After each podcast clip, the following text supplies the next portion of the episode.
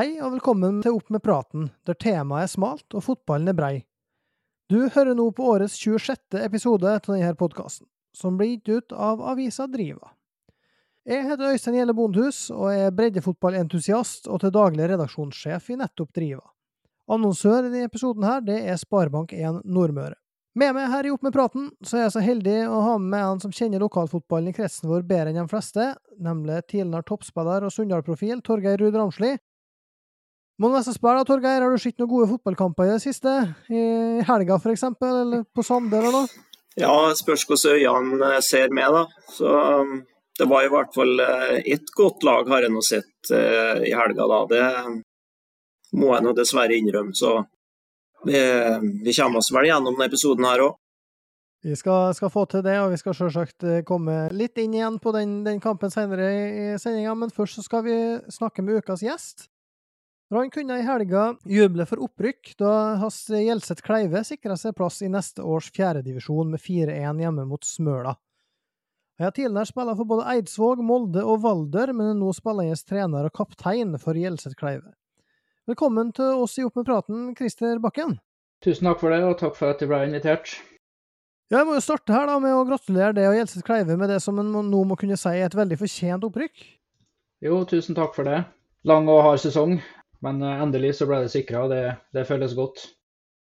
Ja, og vi skal snakke litt mer om 2022-sesongen, men, men færre vi kommer så langt, kan du, kan du ta oss litt gjennom eh, hvordan fotballkarrieren din har vært, fra start til nå? Eh, vel, det var Det starta jo i, i Esvågen, da. Gått, eh, gått skolen der, for å si det sånn. Helt til det ble et steg videre og inn i MFK-systemet inn i den eh, rekruttgruppa, eller Molle 2, da, som det heter. Eh, og var der i tre og et halvt år, var det vel. Før eh, turen gikk tilbake igjen da, til, til Essvågen i noen år. Så var det jo borte å studere litt. Og da var jeg i en treårsperiode i Valder, som er en klubb utenfor Ålesund. Og spilte i fjerdedivisjon der nede. Og så var det nå igjen da, tilbake i et lite opphold igjen i, i Eidsvåg. Og så gikk eh, turen videre da til Gjerset Kleive i 2018.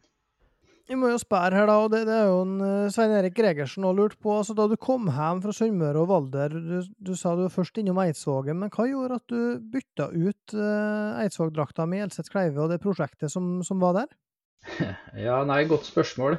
Det var jo uh, en periode i Eidsvåg der det var litt tøffe tider, som gikk både litt på motivasjon løst og, og jeg begynner jo kanskje å eh, vurdere om eh, skal han orke å holde på. Eh, klart det er tungt når det er tre og fire mann som kommer på trening. og Resultatet bytta litt imot. Og en rygg som begynte å hangle ettersom åra kom. Så det var rett og slett at utgangspunktet var tanken om kanskje faktisk legge skoa på hylla.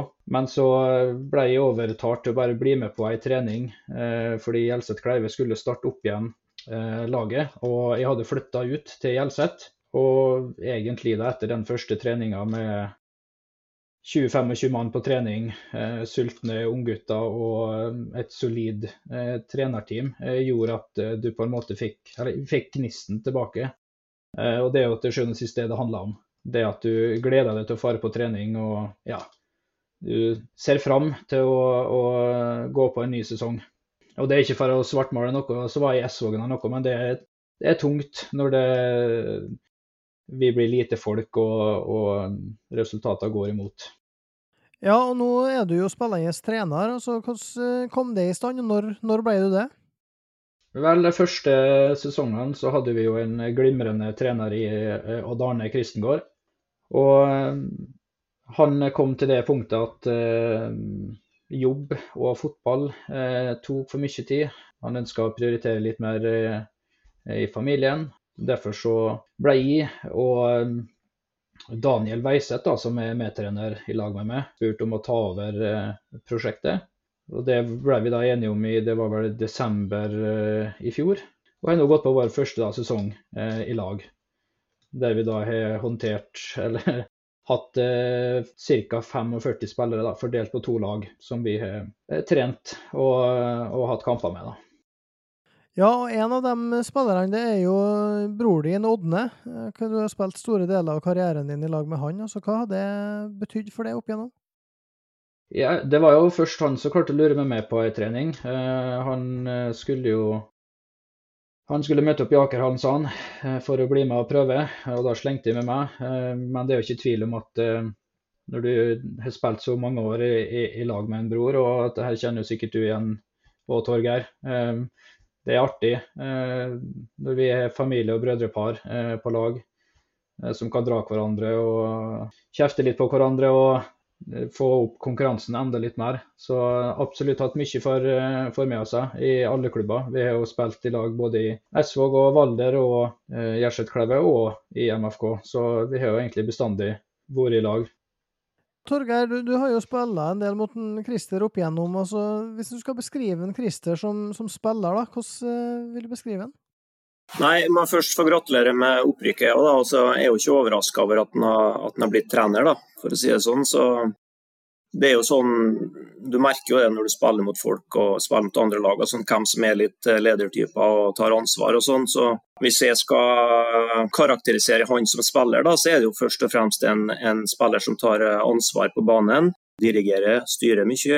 Vi hører, en, eh, hører stemmen hans. Virker på meg som en eh, sånn solid allround-spiller som, som kan spille i mange posisjoner og, og, og gjør jobben sin pent og pyntelig i, i alle. Han er ikke noen sånn glitrende tekniker og, og blender ikke med, med ferdigheter og sånn, men men en, en, rimelig god basisspiller som gjør lite feil, og en spiller du kan stole på uh, gjør jobben sin veldig seriøs på banen og, og, går foran for laget sitt. Så, så styrkene hans på banen i mine øyne er jo, er jo hva skal jeg si, personligheter. Da. Uh, han er ikke dårlig med ballen, nei, det er ikke det jeg sier, men, men han, er, han har gode basisferdigheter. Men så er han først og fremst en leder som, som drar med seg laget sitt på banen. og og Da er det jo ikke overraskende at han gikk inn i en sånn trenerrolle etter ganske kort tid i, i Elset Kleive. Kjenner du det igjen, Christer? Jeg eh, kunne jo fått litt mer, mer på den eh, teknikken og blendende ferdigheter. Nei da, det var nok en ganske god beskrivelse, det. Når man ikke har blendende teknikk, så man eh, kompenserer på andre måter. Så det, jeg kjenner meg godt igjen i den. ja, og så er det jo slik om det er dine lederegenskaper eller en kombinasjon eller hva det er her, men siden du kom inn da i 2018 og de starta opp igjen, så har de jo stort sett vunnet de kampene de har spilt. De rykka jo opp fra sjettedivisjon allerede det året. Da vant de vel elleve og tapte én kamp, mens ja, ble kretsmestere og hele greia. Som nyopprykka året etterpå så ble de nummer to i femtedivisjon. Mm. Fem poeng bak Smøla. Altså, hadde det vært et mål for dere å rykke videre opp til fjerde? Eh, ja, det har det. Og det var jo egentlig satt eh, som et mål fra Odd Arne Kristengård, som, som starta dette prosjektet. Um, han hadde jo et mål at Gjelseth Kleive skulle så langt opp som overhodet mulig, egentlig. Og hadde et hårete mål om at det i framtida skulle være det laget som var best etter MFK. så ja, vi er jo fortsatt på rett vei dit. Men eh, Fjerdedivisjon var absolutt et mål for oss, og vi skulle ikke stoppe i femte. Det var det ikke. Og vi gjorde et godt forsøk, eh, men det holdt ikke helt inn da, eh, i den sesong nummer to. Men da, da er det fristende å spørre, for i fjor så fikk de jo en liten nedtur med ti poeng da, på ni kamper i, i, den halve sesongen som ble spilt da. Hva var grunnen til det, tror du, og hvordan har de jobba for, for, å unngå at det skulle skje i år? Den sesongen var jo litt spesiell. Eh, det var jo åpninga igjen etter korona. Eh, og jeg tror nok det var flere som slet litt med det samme i forhold til motivasjonen. Treningsgrunnlaget vårt eh, var jo en faktor i dette her. Vi hadde ikke like mye spillere å ta av så det vi har i dag. Så da var rett og slett målet med den sesongen var å overleve. Sånn at vi kunne starte litt på blanke ark igjen til i år. Og, og starte skikkelig fra grunnen av, da. Eh, og da gjorde vi jo det med riktig type og nok trening. Eh, rekruttering av eh, nye spillere, både lokale og litt eksternt. Som laga da en ganske solid kjerne for oss. En grunnmur som vi kan bygge videre på. da. De har jo trygt uh, slått tilbake, det må man jo kunne si, når de går fra ti poeng på ni kamper til å rykke opp. Og hvordan har sesongen i år egentlig vært? Jeg kan jo ikke sende at en er fornøyd. Vi har jo hatt mange andre tøffe motstandere som har hatt lyst på samme opprykksplassen som oss. Men vi har stort sett egentlig konsentrert oss om oss sjøl, tatt litt kamp for kamp.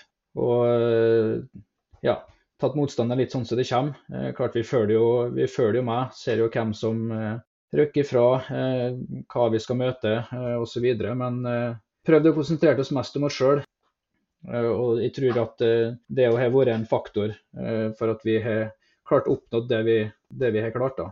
Vi hadde jo en god start på sesongen òg, for så vidt. Vi gikk vel, det var vel i den sjette runden mot nettopp Ernesvågen, tror jeg, at vi gikk på vårt første tap. Så vi kom jo godt i gang. og det er klart at Når du får momentum og sånn fra starten av, så begynner det jo både tanker og, og, og håp og sånn å blomstre. Så uten tvil at vi hadde en god start, med, spesielt med tanke på den fjorsesongen. Så var det jo lov å begynne å, å drømme. Og det fortsatte jo eh, utover sesongen. Sett litt eh, bort ifra en eh, litt humpete start på høstsesongen, så eh, syns vi responderte, på, responderte bra på den og holdt koken ut. Ja, og Hva forventninger har du til neste år nå, med, med fjerdedivisjon 2023? Nei, Det er klart, det, eh, det, blir jo et nivå opp på absolutt alt. Eh, jeg vil jo si at vi har fått en smakebit på fjerdedivisjonen, spesielt mot Ernesvågen. Eh, de syns vi er på det nivået allerede, når det går på ferdigheter og tempo og, og fysikk. Så Det er jo klart, det, er jo, det, blir en ny type test for oss, men det er jo det vi ønsker òg. Å få måle krefter mot dem som er gjerne da antatt bedre enn oss. Og så får vi fortsette det som har fungert bra for oss, og kanskje gire opp det og enda et hakk. Så eh, får vi se hvordan det går. Jeg tror ikke personlig at vi kommer til å være en kasteball, i hvert fall. Nei, og det er jo litt uh, interessant, og, og, du sier det som uh, har fungert for dere. For det er jo litt vanskeligere å, å få sett femtedivisjonskamper enn fjerdedivisjon, f.eks. på stream, der en del blir sendt. Uh, for De vil nok derfor være et litt sånn ubeskrevet blad for en del, men, men hva kan uh, lagene i fjerdedivisjon forvente når de møter Gjelseth Kleive, da? Jeg tror Jeg kan ikke røpe alle hemmelighetene til vi skal opp, men uh, de kommer nok til å møte på et, et hardtarbeidende lag. Det er jo det kanskje det største styrkeåret, at vi er veldig gode som en enhet. Det går igjen i både på og utenfor banen for vår del. Eh, samholdet i gruppa er ganske unikt i forhold til hva jeg har opplevd, selv om vi er så mange som vi er. Eh, og jeg tror det at Når du har et samhold og du ønsker å gi litt ekstra for lagkameraten din, så kan det være ganske avgjørende i, i, i mange kamper. Eh, spesielt hvis det butter litt imot eller kamper står og bikker, så er det en styrke det at du har en lagfølelse og at det betyr noe, det du holder på med. Så jeg tror det er mange som skal få kjenne på at det skal ikke bli det enkleste laget å bryte ned. Vi kan si det sånn. Vi har lang tradisjon for å heie med åpne hjerter i regionen vår. På sidelinja er vi alle likeens. Enten det er på den nye femmerbanen der Dråkungene skåra sitt første mål, eller et lokalderby i fjerdedivisjon. Sparebank1 Nordmøre er din lokale heiagjeng. Runde 20 av 22 i fjerdedivisjon ble spilt i helga. Der eh, ble det 1-5 i Åndalsnes treff 2, KFK CFK KBK2 endte 0-3. Vestnes Varfjell Dale 3-2, Malmefjorden Tomrefjord 0-2. Misund eide omegn 4-4. Og så ble det 1-3 på Sande stadion mellom Sunndal og Surnadal. Det betyr at uh, Surnadal sikrer andreplassen i avdelinga. Altså, I teorien så kan de ta igjen KBK2, men det er fem poeng og 44 mål målforskjell opp med, med seks poeng igjen å spille om, så det, det, bruker vi ikke noe mer tid på. Men uh, vi kan jo tilfeldigvis begynne med den kampen her, da, Torgeir. Hva tenker du om det du fikk, eh, fikk se på Sande på, på, lørdag? Det var jo ikke noe hyggelig opplevelse som sunndaling, det. da.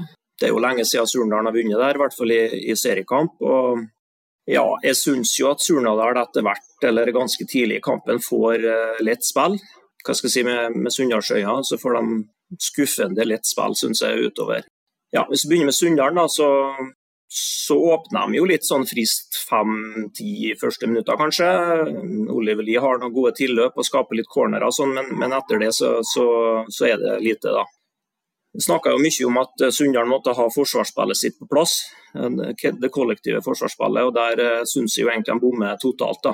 Jeg syns det er en framvisning i hvordan du ikke skal presse.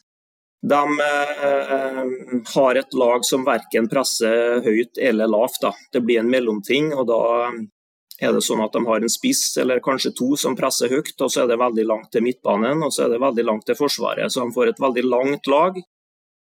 De har òg kantspillere som ligger bredt, sånn at blir, laget blir også bredt. Det blir langt og bredt og store avstander mellom, mellom ledda og i ledda. Og Når da Surndalen eh, finner ut av det og begynner å spille av det presset og, og kommer seg opp i, i, i, neste ledd, og sånn, så, så, er det for store avstander med Sunndalen. og Det, det er Surndalen flink til å utnytte. og når det blir store rom og stor plass, eh, så syns jeg at eh, ja, hva skal jeg si, de, de svakhetene i Sunndalslaget som vi kanskje frykta før kampen altså Det blir mye én mot én på bekkene. Det blir Eh, mye løping på midtbanen til Sunndalen, som ikke vinner andre baller foran eget felt, og heller ikke greier å støtte opp de to oppe. Så eh, Som et resultat av at det kollektive presset da ikke sitter, så blir svakhetene i underslaget veldig synlige. Syns Surndalen spiller fin fotball langs bakken. Spilles ut bakfra. Midtstoppere som er gode med ballen. Finner indreløpere i mellomrom og finner kantspillere i beina. Så syns jeg også en annen ting som er veldig sånn påfallende, og som skuffer meg litt, at uh, jeg syns Surnadslaget ser mye bedre fysisk rusta ut enn Sunndalen. Det er veldig mange 50-50-dueller der uh, Surndalen går uh, seirende ut. Skulder mot skulder, og sånn så ligger Sunndalsspillerne tilbake på bakken, mens Surndalsspillerne står støtt. Så ja, alle sånne fysiske parametere, om det er hurtighet, styrke, duellstyrke, hodespill, ja, så syns jeg Surnadal-spillerne kommer veldig seirende ut av det da, i én-mot-én-dueller. Så det var etter hvert eh, veldig stor forskjell på lagene, syns jeg. Og når det ble 3-0 så tidlig, så er vel kampen i realiteten avgjort. og så Surnadal slurver kanskje litt eh, med forsvarsspillet sitt utover eh, mot slutten, så gjør at Sunndalen får noe tilløp og sånn, men eh, jeg syns det var skuffende og skremmende stor forskjell på lagene syns jeg. Og jeg syns kanskje seieren eh, burde ha vært større òg, dessverre. Ja, jeg var jo på Sande stadion, jeg òg, eh, og så kampen. Og jeg er jo helt enig i det du sier her. og Jeg har ikke noen intensjon om å gni det inn på noe som helst måte, men, men det er jeg syns jo det er interessant at, at Surnadal lykkes med et grep som du har etterlyst her i podkasten egentlig siden vi starta opp i, i fjor høst, Torgeir, og det er jo det at du har snakka om hvordan vingene til Surndalen har vært plan A, og, og, hvis de ikke har dagen de ikke klarer å, å gå forbi én mot én, så har de blitt veldig alene, eller det har de sjøl om de har klart å gå forbi, så har de blitt veldig alene. Og det syns jeg var veldig tydelig nå eh, mot Sunndalen, at eh, de ønska å isolere vingene sine, og spesielt Vegard Juel på venstre mot bekken. Men i tillegg så gjør de det så bredt at rommet blir så stort mellom stopper og back at uh, Tore Næss og Sindre Hyllbakk Kvande gjør en, en, utrolig god jobb med å angripe det rommet hele tida. Og gjør det så ofte og så tidlig at uh, Vingen alltid har uh, passingsalternativ. Det er jo én ting, men i tillegg så sliter jo ut midtbanen til Sunndalen uh, og, og, gjør at det blir fryktelig vanskelig å forsvare seg mot. og det er klart, hvor mange ganger Petter Melkild da er ute og sikrer, eller for så vidt begge stopperne til Kevin Dyrhaug går ute og sikrer for backene og så angriper både Arnstein Aasbø og indreløperne til Surnadal det rommet som de forlater. Det, det, er ganske mange ganger. Um, så jeg er enig i det at um, 3-1 det er Nesten et litt flatterende resultat for Sunndal i den kampen der.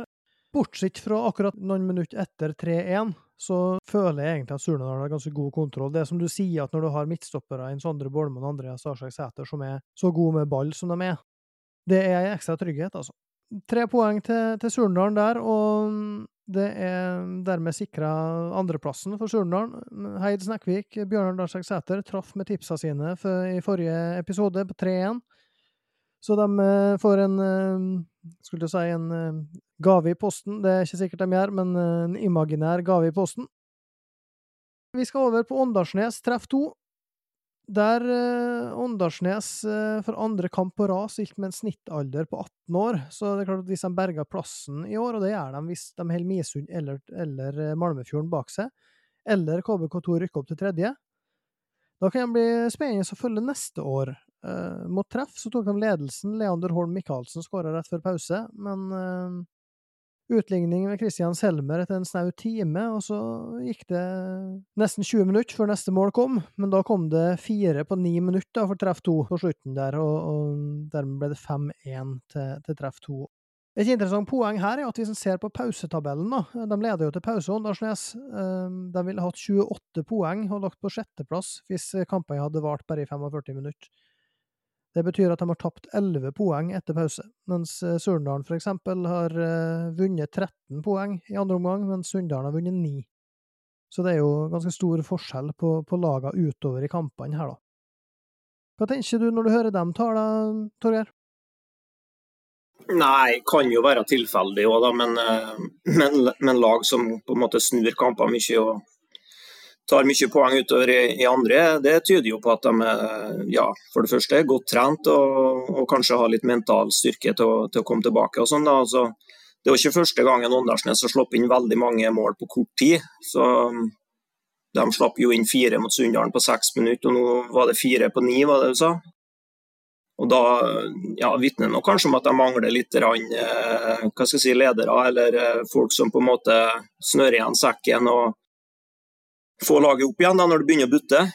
Så De har jo en del kamper der de både har ledet med ett og to og tre mål som, som de ikke har vunnet. og da ja, det er, en, det er, jo en, svakhet, eh, det, du kommer jo ikke bort fra det. Selv om, selv om noe av det kan være tilfeldig, så, så er det jo noe å å merke seg, og noe de eh, må jobbe med. og jeg synes jo de, de, er jo for lite kyniske da, Åndalsnes, når de leder. Det har jeg sagt før, at de, de spiller fin fotball og, og er farlige framover, sånn, men, men, de har ikke noe kynisme. og Det blir de straffa for. og eh, De er ikke sikre ennå. Så det blir spennende. Det står noe mellom dem og Misund nå da, om den nest siste plassen, sånn som jeg ser det. Jeg skal se litt på akkurat det. fordi at det er jo sånn nå at når det er avklart, eller tilnærmet avklart i toppen, så um, har Misund 15 eh, poeng, Åndalsnes 17 og Malmefjorden 18 etter eh, helgas runde. Og da er det slik at Misund Vi snakka jo om at de burde ta poeng hjemme mot Eide, og det, det gjorde de jo for så vidt. Men uh, mot et Eide uten Ruben Toven så leda de 4-2 til det gjensto 18 minutter, og de slapp inn 4-4-målet to minutter før full tid. Der skåra Erlend Blø tre, oppe i elleve mål nå. Emil Sjøvik, som skåra det siste, eller det første, alt ettersom, han uh, har ti. Det er sterkt av dem to, som vi har, har skrytt mye av før her. Men det er jo et slag i trynet når det går fra 4-2 til 4-4 på den måten der. Uh, endelig øyna en seier som kan være livsviktig i bunnen. Christer, nå når Misund har 15, Åndalsnes 17 Malmefjorden 18 før de to siste rundene, hvem tror du ender på den nest siste plassen som uh, er utsatt? Godt spørsmål så tett eh, mot slutten her. Eh, det er mye som spiller inn. Nesten alle kamper nå eh, har jo sitt eget liv.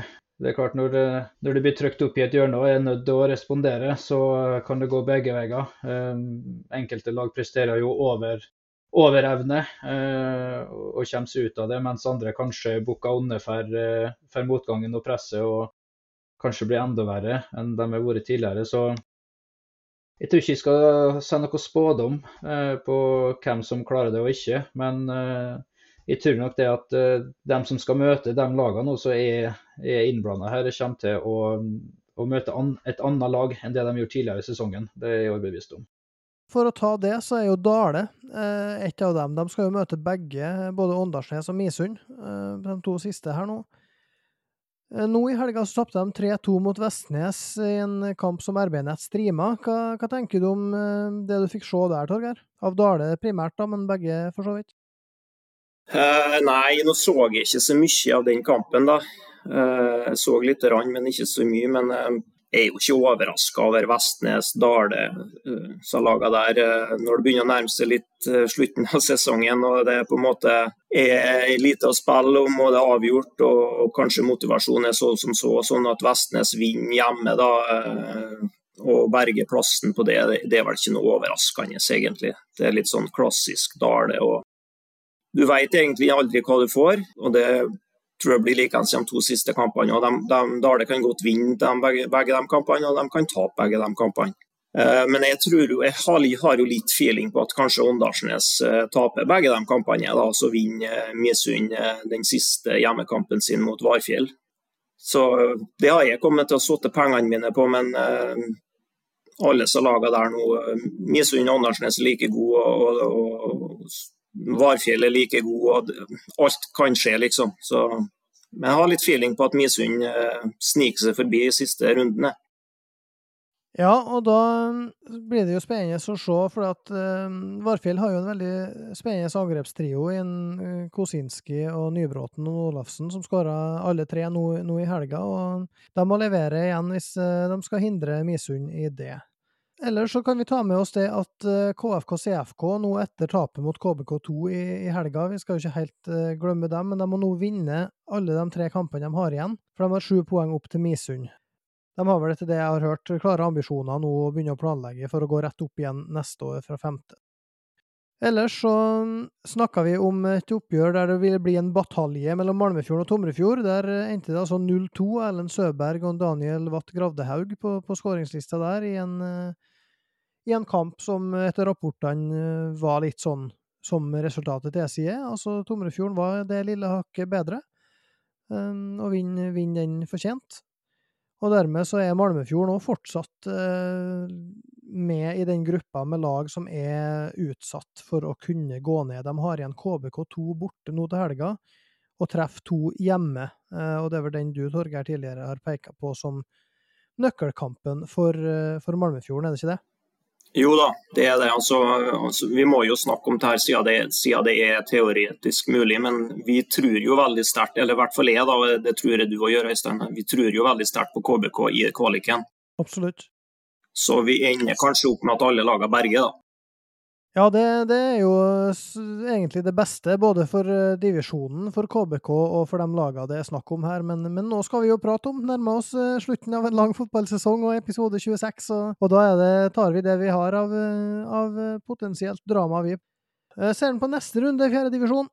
Det er altså nå i helga, og nå har vi kommet dit at de to siste rundene Vi snakka jo med Petter Sjåholm tidligere her om nevnte at uh, Treff 2 vil slite med å stille et like sterkt lag som det de har gjort uh, tidligere, eller, eller ikke, ja, det samme laget som de har stilt tidligere i år, fordi at kampene går samtidig som A-laget til Treff spiller.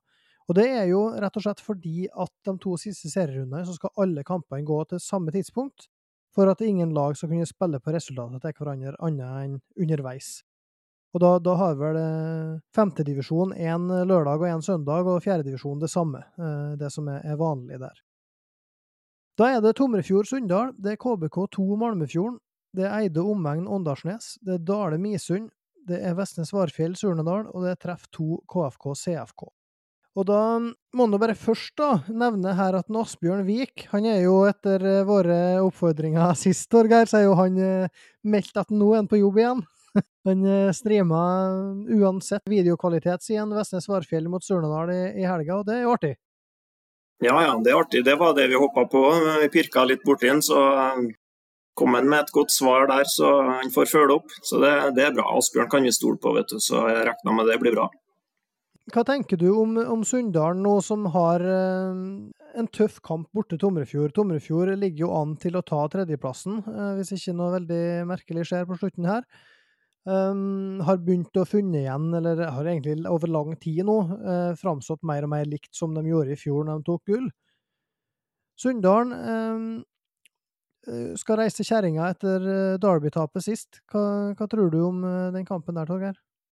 Nei, ut ifra form og, og sånn, så er jo Tomrefjord en klar favoritt. De er jo et veldig godt hjemmelag. og er jo nå seks poeng foran Sunndalen og har jo tatt mye mer poeng på høsten og er i mye bedre form, så de er jo en naturlig favoritt. og Har jo litt inntrykk av at kanskje ja, lufta har gått ut litt av Sunndal nå. Nå er det ingenmannsland og, og veldig lite å spille for, så ser ikke for meg nå at det, kommer, at det blir sånn full mobilisering og spillerne kommer hjem og, og sånt. Så ja, virker litt ferdigspilt nå da, etter, etter den trøkken mot, uh, mot Surnadal. Det var lite, lite, go og lite ekstra krefter å hente i laget når, når, motgangen kom i den kampen. Så en ganske klar hjemmeseier, uh, sånn i utgangspunktet i hvert fall. Ja, Christer, hva, hva tippetegn ville du satt i eh, Eide omegn Åndalsnes? Nei, Eide er jo generelt vært et, et hardt lag å møte. Åndalsnes og for så vidt. Men jeg tror nok kanskje Eide der vil trekke det, det lengste strået. Men klart Åndalsnes er jo utsatt til, og som vi sa tidligere, det kan jo trigge en respons nå når de er der de er. Så Eh, en jevn kamp blir det helt sikkert, eh, men eh, kvaliteten og rutinen som er i Eidelaget, tenker jeg vil være utslagsgivende.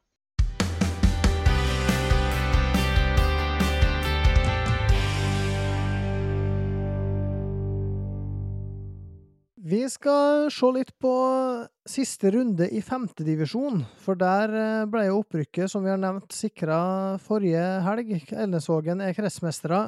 Gjelseth Kleiver så følger opp til fjerdedivisjon, men i bunn så er det drama. Og det er jo samme forutsetninger der som i divisjon over, at KBK2 kan jo redde hele gjengen omtrent, men eh, ikke alle. Fordi MSI, Molde-studentene, de slo AK 2-1 på bortebane sist, og det var jo en sånn seier som eh, Ja, AK hadde akkurat uh, gått opp på tredjeplass og, og nesten blanda seg inn i opprykkskampen hvis sesongen hadde vært en del lenger. Men eh, så går de også på en smell på hjemmebane, og det, det er jo ikke helt likt dem. Det betyr at eh, de er oppe i ti poeng, MSI, og de møter Isfjorden Åndalsnes 2, som ligger sist. De har åtte poeng. Det betyr at de kan gå forbi MSI med seier, mens Gossen, som ligger mellom der igjen, da, med ni poeng, de skal møte Smøla på bortebane i det som tradisjonelt er en knalltøff match. Så her er det en spennende eh, sisterunde, for her er jo til og med sisteplassen i spill. Alle de tre lagene kan ende sist. Hva tror du skjer her, Christer? Det er tre lag som eh, plutselig kan to av dem gå ned. Det blir jo veldig spennende når det er så åpent som det er. Uh, MSI mot Isfjorden blir sikkert en gysere av en kamp, vil jeg tro. Ingen av de lagene er nok videre interessert i å gå ned et hakk, så det blir sikkert underholdning for dem som møter opp og ser der. Gossen lang og tung tur bort til Smøla. Smøla er jo et, som du sa, veldig godt hjemmelag. Har spillere med god kvalitet og som kan utrette ting omtrent på egen hånd. Men Gossen òg syns jeg har kommet seg mye, selv om de har jo hatt en, en for så vidt tung sesong. Så syns jeg de har kommet seg veldig, spesielt etter de tidligere åra vi har spilt mot dem. Og igjen, eh, de har litt eh, ryggen mot veggen, de òg. Må respondere. Eh, mens Smøla de har jo ikke all verden å spille for nå lenger. Så det kan skje overraskelser der òg, absolutt. Jeg må jo innrømme det at jeg tror Smøla slår Gossen hjemme. det betyr at Gossen i så fall ender på ni poeng. det er mindre enn MSI som har ti. Så for å unngå sisteplassen så vil de da være avhengig av at Isfjorden og IF2 ikke slår MSI. I en sånn kamp, Torgeir, så har du jo den jokeren her at eh, Isfjorden og IF2 Det er jo et Åndalsnes 2 her i spill. Kommer det plutselig en Paiva og en Hammervoll, og, og det beste Åndalsnes kan stille opp med her for å ta det, de poengene som trengs? Ja, jeg har jo sett at det har vært med litt A-spillere på OIF2 tidligere, da. Så ja, jeg regna jo med at uh, når de er nødt til å ha poeng, så, så, kommer de med det de kan komme med. Uh, det tror jeg alle klubber kommer til å ha gjort. Så det tar jeg nesten som en forutsetning eller en selvfølge at, at uh, de kommer så sterkt lag som de overhodet kan. Ja, og der er det jo slik at det er ikke nok med ett poeng, for målforskjellen er i favør Gossen, så der må, de må vinne den kampen mot MSI. Og MSI slo jo som sagt AK da borte sist, mens Isfjorden vant jo sin kamp 4-1 mot rival, så det er jo faktisk to lag som kommer rett fra, fra seier. Så det blir en fryktelig spennende avslutning i, i femtedivisjon. Når det gjelder sjette, så må vi bare legge oss uh, flat og beklage for at vi ikke forutså at Måndalen skulle vinne et overlegent KM-gull, men det gjorde de etter 4-1 mot Frei og 5-0 over Eidsvåg, Eiresfjord og Vissdalen. Så jeg må bare si gratulerer så mye til, til Måndalen. Det, det, er imponerende det de har gjort i år, og vi gleder oss til å følge med videre i femte neste år. Men det gjorde jo at det ble en ren opprykksfinale da, på Frei. Ehm, etter rapportene en jevn kamp med Frei som det laget som hadde mest ball. Men så ble det jo slik, da, som vi har diskutert tidligere her, at eh, de rutinerte nysigneringene til Eidsvåg er med å mm, avgjøre til deres favør. For to enmålers eh, Einar Olav Brakstad som er den gylne 85-årgangen. Det kom et eh, hjørnespark der Bjørnar Bugge hedda ned til han. Så mm, Eidsvåg da best i boksene og klar for femtedivisjon neste år. Hva, hva tror du om sjansene deres der, Christer? Først og fremst gratulerer til Eidsvåg. Eh, artig at eh, de er med litt opp i divisjonene igjen. Eh, vi har spilt en del treningskamper mot dem nå eh, denne sesongen her. og Det ser ut nå som at de har fått et veldig godt grunnlag med de spesielt unge spillerne sine har å, å spille på i åra framover. Mye gode ferdigheter og, og talent der. Og Det har vært diskutert tidligere i, i podkasten her òg, at uh, miksen uh, med litt eldre rutine uh, og pondus kan være veldig bra for dem. Så Det jeg har sett Vessvåg uh, i år, så tror jeg nok de, de, kommer nok ikke til å være en, en enkel motstand til neste år.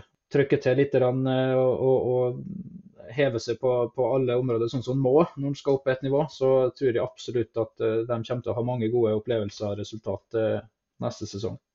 Og Da er jo selvsagt et spørsmål som må stilles her, altså for din del, som eh, har vært i Esvåg så lenge som du har vært. Nå er det klart, nå er det jo ikke opprykk i Gjelseth Kleive her som er, med i beregninga, men, men, hvor aktuelt er det med comeback i, i, brunt for din del, om ikke nå, så etter hvert? En, en gang? Nei, jeg ønsker han vel alder, si alder. Eh, veldig glad i det prosjektet og, og miljøet som er i, i Kleive akkurat nå. Eh, men jeg må nå innrømme at eh, Eidsvåg er jo, jo en stor plass i hjertet mitt etter alle år og venner og opplevelser jeg har hatt, jeg har hatt der. Så han skal vel alder si alder. Jeg tror eh, jeg står oppført med 99 kamper eh, i Eidsvåg, så det kan jo hende at han eh, klarer å kaste seg utpå en gang, eh, bare for å få det runde tallet. Men eh, akkurat sånn som det er nå, så, eh, så er det Gjerset Kleve som er laget. Ja, og de 99 eh, kampene er sikre på å stemme òg, fra Inge Arild Fjøsheid. Han har kontroll på, på statistikken. Uansett, eh, et spørsmål her. Du nevnte Kristengård her tidligere. Og i 2019 til og med der så hadde de jo med både Adrian Jonathan og Julian Michaelsen Kristengård på laget. Eh, de to første spiller jo femtedivisjonen i Røa nå, i Oslo. Julian har gjort sakene sine veldig bra for treff i, nå i andredivisjon. Og vi nevner jo ofte som et eksempel sånn på at det går an å gå fra lavt nivå opp til, til toppfotballen. Altså som eh, en som har vært med på den, eh, iallfall eh, fram til han dro til treff, da. Hvor overraska er du over at nettopp han har klart den overgangen så godt? Nei, overraska det er jeg overhodet ikke. Jeg så jo tidlig det når han, han kom til oss fra, fra junioravdelinga i MFK, at det var en gutt med mye talent og gode forutsetninger. Det fysiske er jo en jo velsigna med. Eh, fart, eh, styrke. Eh, det har en jo. Og så er en jo et, et, treningstalent, og det er jo kanskje det, det viktigste. Det er mange som har det, vanlige talentet, men han er òg god å være ydmyk og trene hardt. Og Det høster han absolutt frukter til nå, da, med å, at han har tatt det steget fra oss til treff så godt som han har gjort. da. Så absolutt ikke overraska i hele tatt. og Jeg håper han, han, kan nå så langt som han egentlig vil, for han har innstillinga og, og holdningene som skal til. Absolutt. Ja, så har vi et spørsmål fra Malmefjorden-keeper Preben Lyngstad. og Det går rett og slett på hva er hemmeligheten bak målformen til Vidar Flemmen? Og stemmer det at han er femtedivisjons best trente spiller? Eh, for å svare på om han er femtedivisjons best trente spiller, så eh, tror ikke du får så mange meter ut av noen andre som er like dårlig trent, for å si det sånn. Nei da. Eh, Vidar eh, han er en, en, en, underlig, en, underlig, skrue. Han er jo egentlig midtstopper, og kanskje, kanskje den beste midtstopperen eh, vi har i troppen nå startet jo sesongen helt nydelig godt der. Eh, og så gjorde jo en liten skadekrise at vi valgte å flytte han opp på topp. Eh, vi har hatt den der litt før. Eh, og det ble jo en eh, suksessfaktor for oss. Han har mye ferdigheter, mye ferdigheter inne, så eh, vi vet vi kan stole på han når han får sjansen foran mål. så jeg er litt usikker på hemmeligheten. En skulle gjerne visst sjøl eh, hva det var for noe. ja, for du har, null mål i år, har du ikke det? Ja, det stemmer. Det, det, er vel en grunn til at jeg flytta han opp, og ikke meg sjøl. yes, uh, denne episoden av Oppe praten den er faktisk ved veis ende, men uh, takk for at du var med oss, Christer, og lykke til med serieavslutninga borte mot Dale 2 på søndag.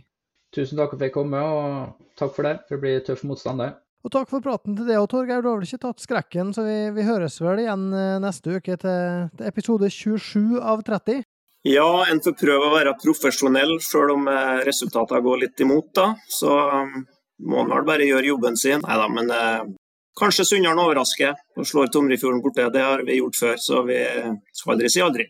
Da sier vi takk til alle som har hørt på. Følg med neste uke for en ny utgave av Opp med praten.